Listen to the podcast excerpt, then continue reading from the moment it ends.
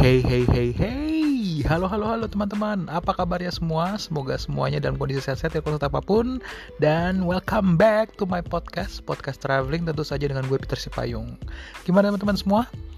Hmm semoga dalam kondisi covid Ya yang hampir-hampir gak berubah ini semuanya masih dalam kondisi sehat, tidak kekurangan satu apa pun, masih tetap bergembira, tetap waspada terhadap uh, kesehatan masing-masing ya teman-teman, dan tetap juga untuk mematuhi protokol-protokol kesehatan. Itu saja dari gue, nggak deh.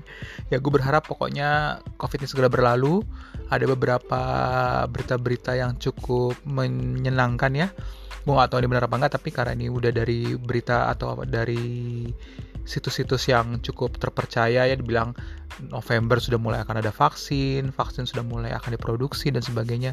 Ya mudah-mudahan kita segera cepat berlalu dari wabah Covid ini bisa lagi eh, jalan-jalan terutama ya.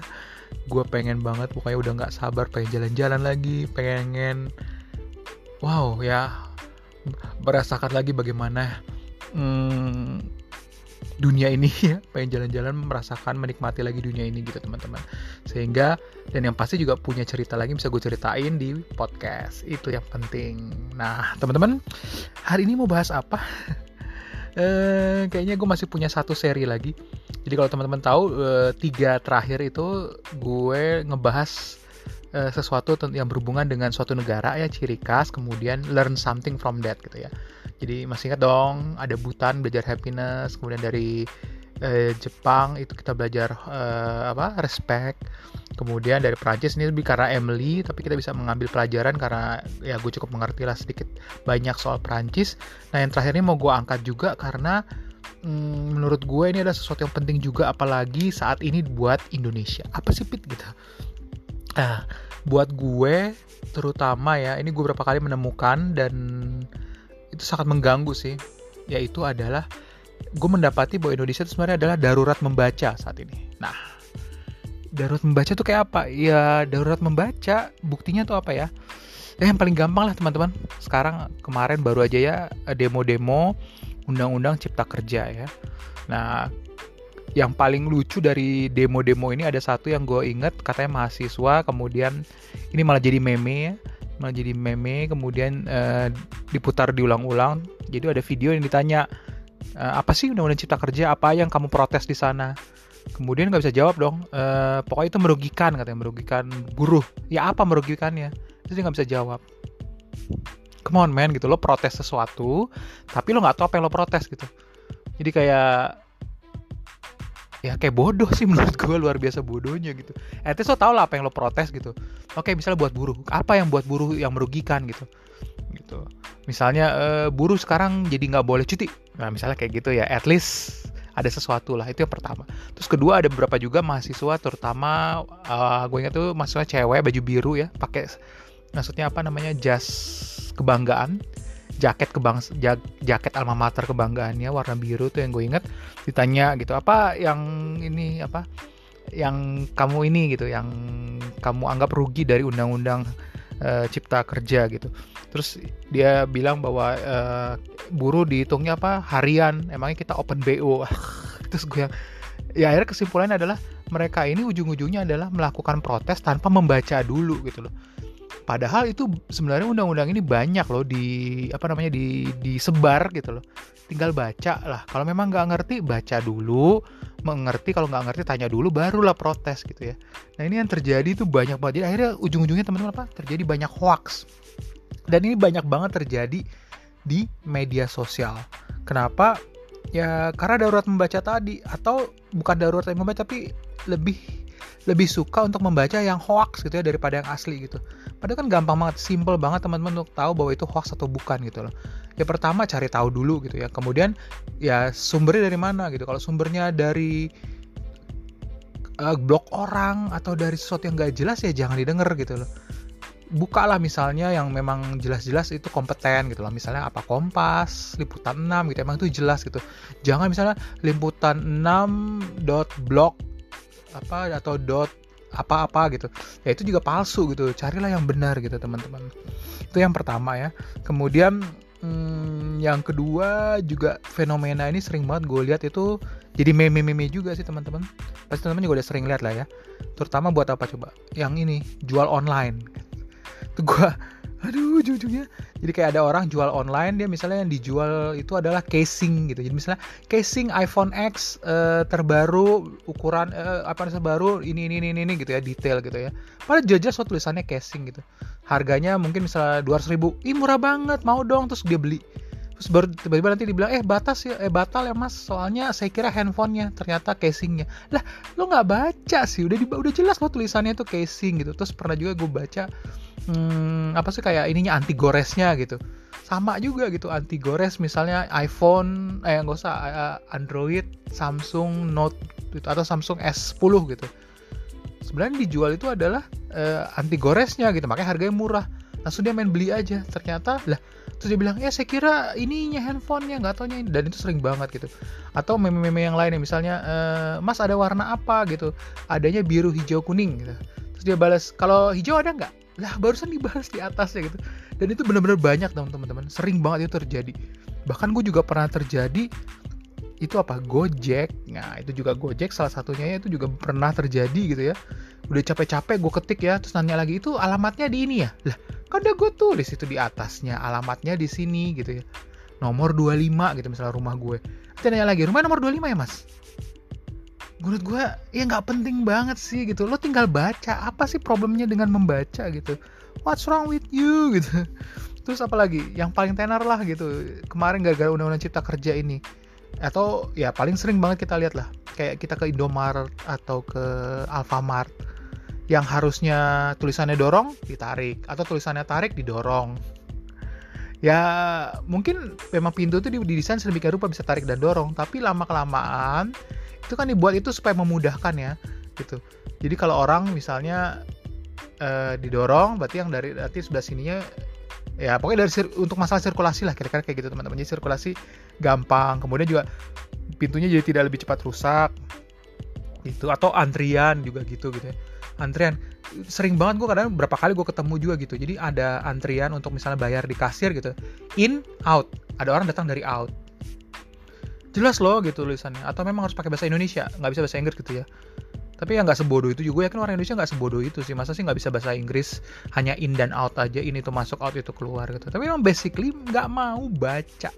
That's the problem. Banyak lagi yang lain dan yang paling gampang juga ini kejadian juga di tempat gue adalah anak kerja praktek juga, juga sama gitu.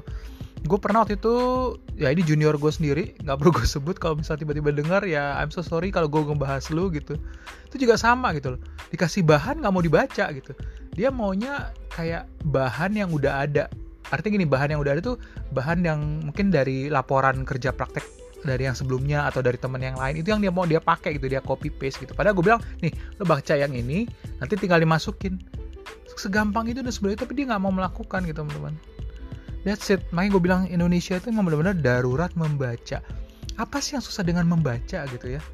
Ya oke okay lah, lo nggak disuruh membaca buku kok, nggak disuruh membaca novel atau membaca uh, ya udah buku hukum atau buku apa gitu. Mending kalau buku cerita, ini buku yang lain pun nggak disuruh gitu. Hanya membaca sesuatu yang simpel, sesuatu yang dikit, hanya deskripsi alat misalnya, hanya kata dorong dan tarik, hanya kata in dan out keluar masuk gitu ya. Hanya kayak gitu aja susah gitu. Dan ujungnya apa? Bikin kesel orang bikin marah gitu ya. Banyak banget lah pokoknya teman-teman gitu. Kayak nggak aware gitu. Atau apalagi misalnya kayak di bioskop gitu udah itu jelas-jelas di awal gitu misalnya tolong mematikan uh, handphone gitu ya. Jangan berbicara gitu tetap masih ada juga gitu. Kenapa? Ya nggak peduli. Yang penting kemauan gue gitu. Oh gue taunya begitu. Kayaknya begini deh harusnya gitu. Padahal udah ada semua keterangan ada term and condition gitu ya. Ujungnya ketika lo nggak baca term and condition lo sendiri yang rugi. Ya kalau lo yang rugi. Kalau orang lain yang rugi juga kan nyebelin kan gitu. Masa gini kalau kalau gara-gara lu nggak membaca dan lu sendiri yang celaka it's okay buat gua tapi yang paling males kan gara-gara lu nggak baca lu celaka orang lain ikut celaka atau bahkan lu nggak apa-apa orang lain yang celaka gitu ya.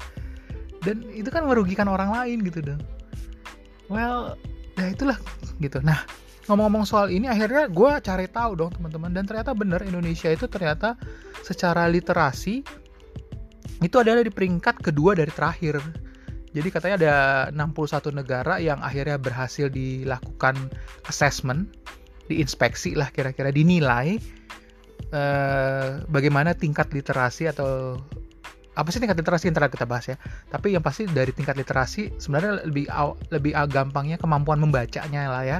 Itu Indonesia di nomor 60 dari 61 negara. Kita hanya menang dari gue lupa negara apa ya. Kalau nggak salah negara Afrika, Botswana atau apa gitu. Kita jadi kita di 60 di 61 dan nomor 59-nya itu Thailand. jadi agak-agak mirip sebenarnya kita ya. Nah, jadi literasi itu itu dibilangnya adalah kemampuan itu adalah budaya membaca jadi yang dinilai dari kenapa Indonesia di peringkat 60 dan 61 itu adalah budaya membaca, budaya untuk memahami bacaan, kemampuan dari membaca itu sendiri, kemudian ketersediaan fasilitas untuk membaca, kemudian minat membaca. Nah, ternyata ya kalau kita berada di nomor 60 dan 61 bisa dibilang mungkin kita empat-empatnya ini antara nomor 60 atau 61 gitu ya atau salah satu mungkin di nomor 59 mungkin budaya membaca nomor 59 kemampuan membacanya di nomor 61 gitu ya. Ketersediaan fasilitasnya nomor 61 kemudian minat membaca nomor 59 akhirnya di total kan nomor 60 gitu. Gitu teman-teman. Dan teman-teman tahu nggak nomor satunya siapa? Jadi baru tahu gue ternyata nomor satu udah sampai nomor 5 luar biasanya ini ada negara yang tergolong satu suku bangsa. Satu rumpun istilahnya. Itu negara-negara Skandinavia Yes, jadi nomor satunya Finland, Finlandia, nomor dua Norwegia, nomor tiganya Iceland atau Islandia, nomor empatnya Swedia, dan nomor lima Denmark. Jadi teman-teman, ada sesuatu sehingga mereka ini punya tingkat kemampuan literasi yang bagus.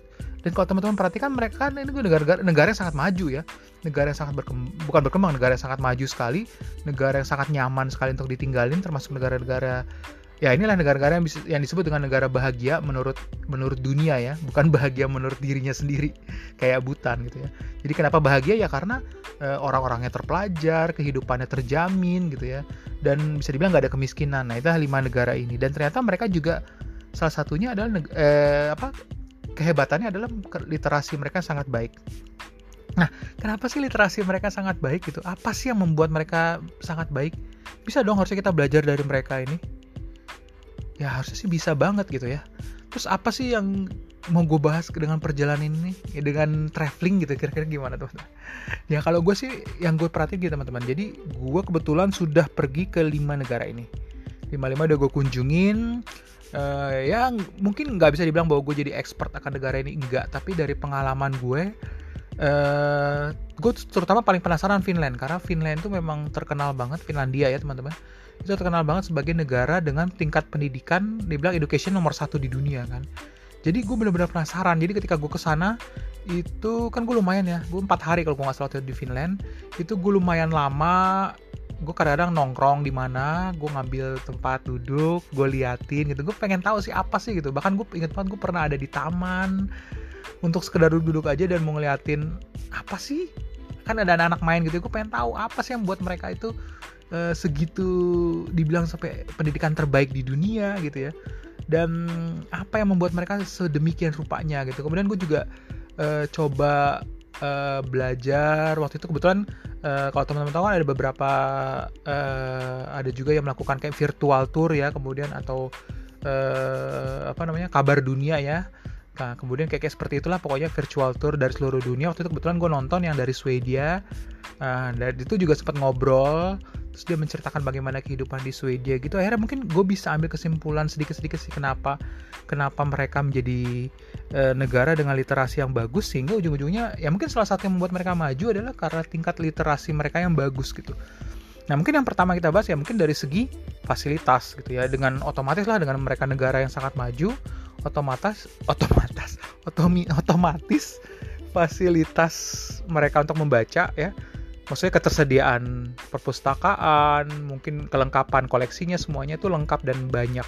Dan dari yang gue tahu, dari yang gue pelajari dan juga yang gue saksikan dari virtual tour yang gue ceritakan tadi, itu memang dibilang bahwa mereka punya negara-negara Skandinavia ini punya perpustakaan yang sangat accessible, bisa diakses oleh semua orang, gampang, mudah, dengan komposisi atau koleksi yang sangat lengkap gitu dan memudahkan. Dan itu ketika perpustakaan itu bukan hanya sekedar buku doang loh teman-teman. Jadi saat ini apalagi dengan zaman udah canggih ya kita tuh bisa meminjam uh, atau bahkan bisa apa istilahnya ya buku-buku itu bukan hanya buku-buku fisik buku ya tapi bisa juga misalnya buku-buku yang sudah sifatnya elektronik ya. Dalam PDF dalam apa kayak Kindle kayak gitu-gitu tuh semua bisa dengan mudah diakses dan free. Itu yang pasti.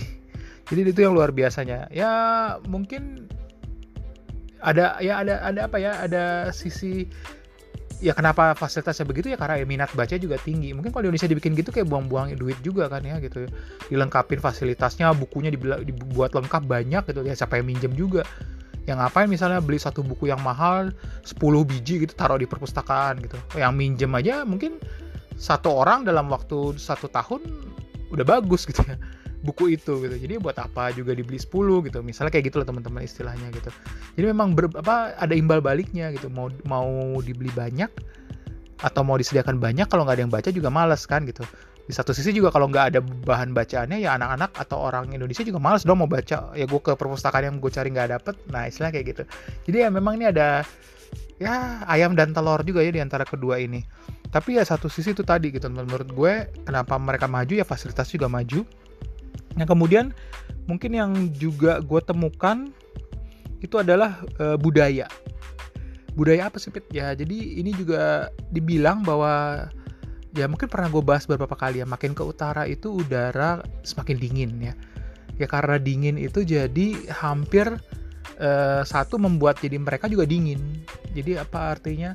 Uh, hubungan mungkin antara yang satu dengan yang lainnya kecuali dalam keluarga yang sangat dekat itu mereka nggak terlalu akrab gitu ya. Jadi istilahnya mungkin mereka hanya diam di antara keluarga mereka sendiri atau di dalam dalam rumah karena ya udara mereka yang dingin gitu. Mereka mungkin hanya merasakan panas itu 3 atau 4 bulan gitu ya. Sisanya 8 bulan itu lebih kepada dingin gitu. Jadi ya mau keluar untuk jalan-jalan juga males gitu istilahnya ya.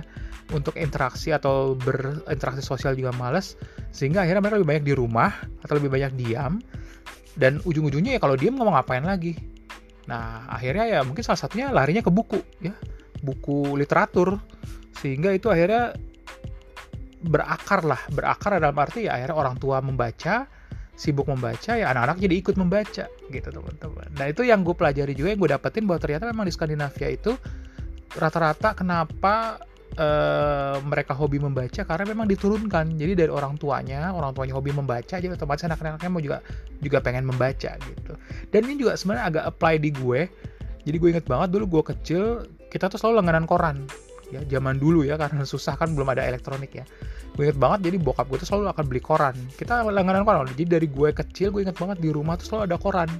Jadi kebiasaan jadi gue ya gue inget banget dulu kalau bokap gue baca koran selesai baca tuh pasti gue ambil gitu. Karena gue ya ngelihat dari kan pertama cuma ngelihat doang kali ya gitu. Jadi kalau istilahnya ter terikut gitu ya. Lihat bokap gue kayaknya ke asik banget baca koran gitu. Akhirnya gue baca koran gitu. Dan itu ya itu tadi gitu. Jadi gue terbawa karena uh, orang tua gue membaca. Kira-kira kayak gitu teman-teman.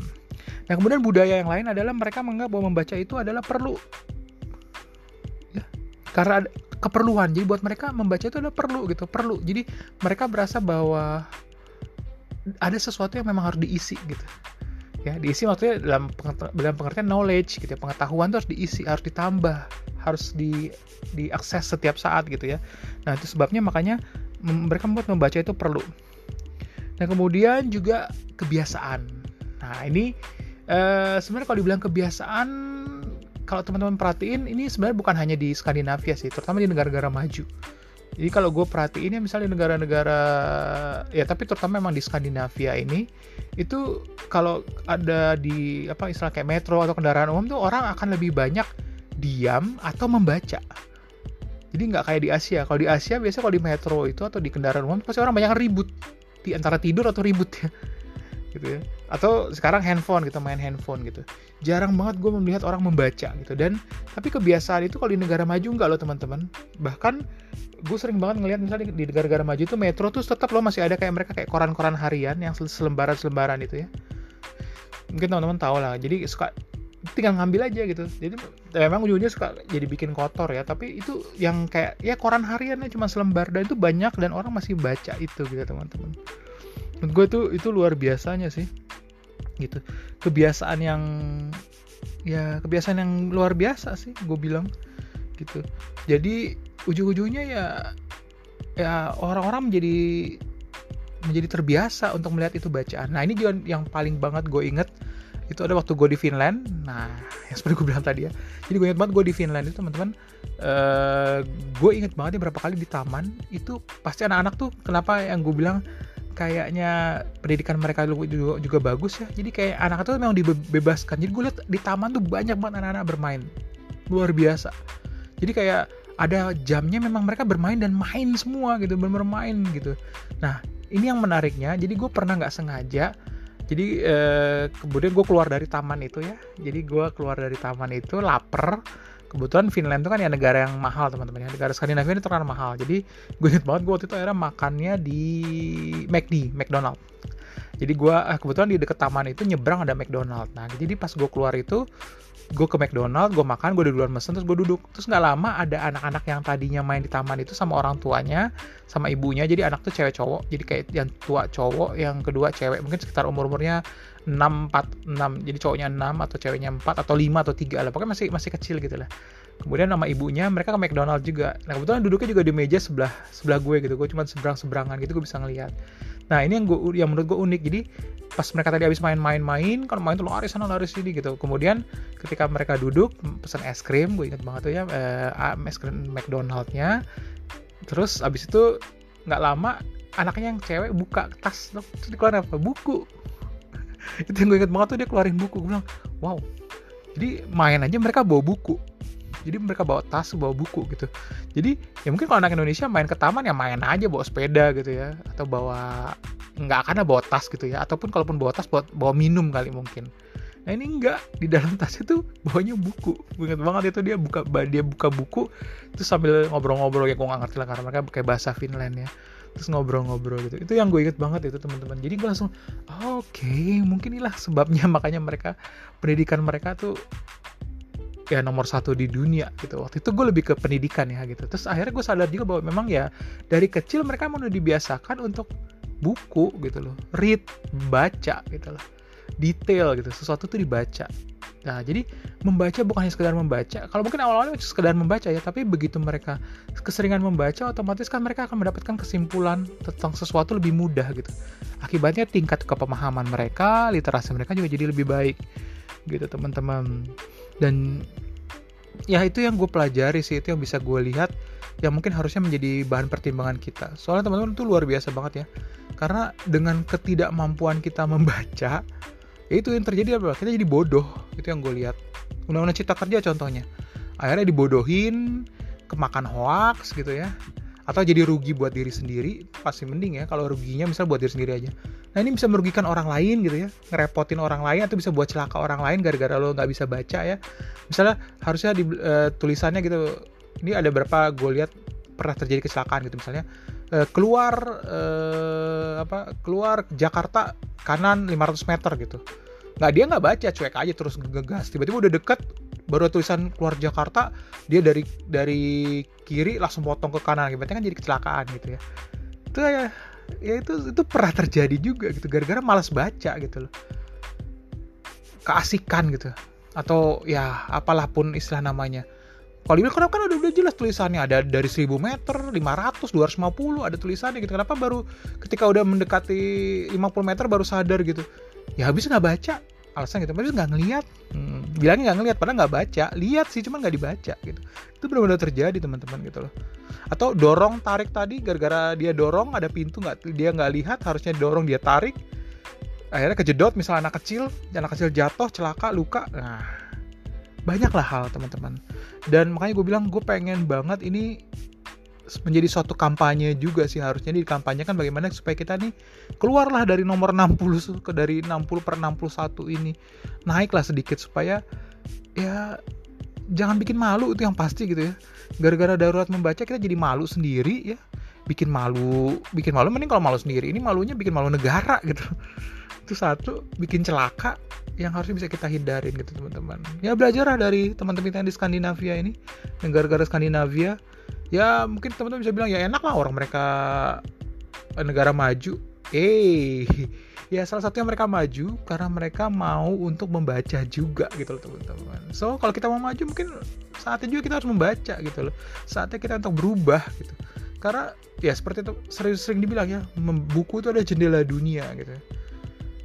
Ya contoh paling gampang saat ini ketika gue kangen untuk traveling gue baca-baca buku lagi gue lihat lagi buku gitu dan itu menambah lagi ilmu-ilmu juga gitu teman-teman dan gue selalu bergantung juga pada buku gitu kalau ada sesuatu yang baru gue coba cari bukunya gitu cari misalnya e-booknya kayak gitu teman-teman mungkin itu aja dari gue semoga kita bisa menjadi negara yang bangkit lagi kita nggak waspada lagi membaca tapi menjadi eh, semakin mengerti bahwa membaca itu penting dan berguna buat kita. Thank you teman-teman udah dengerin. Sampai ketemu lagi minggu depan. Dadah.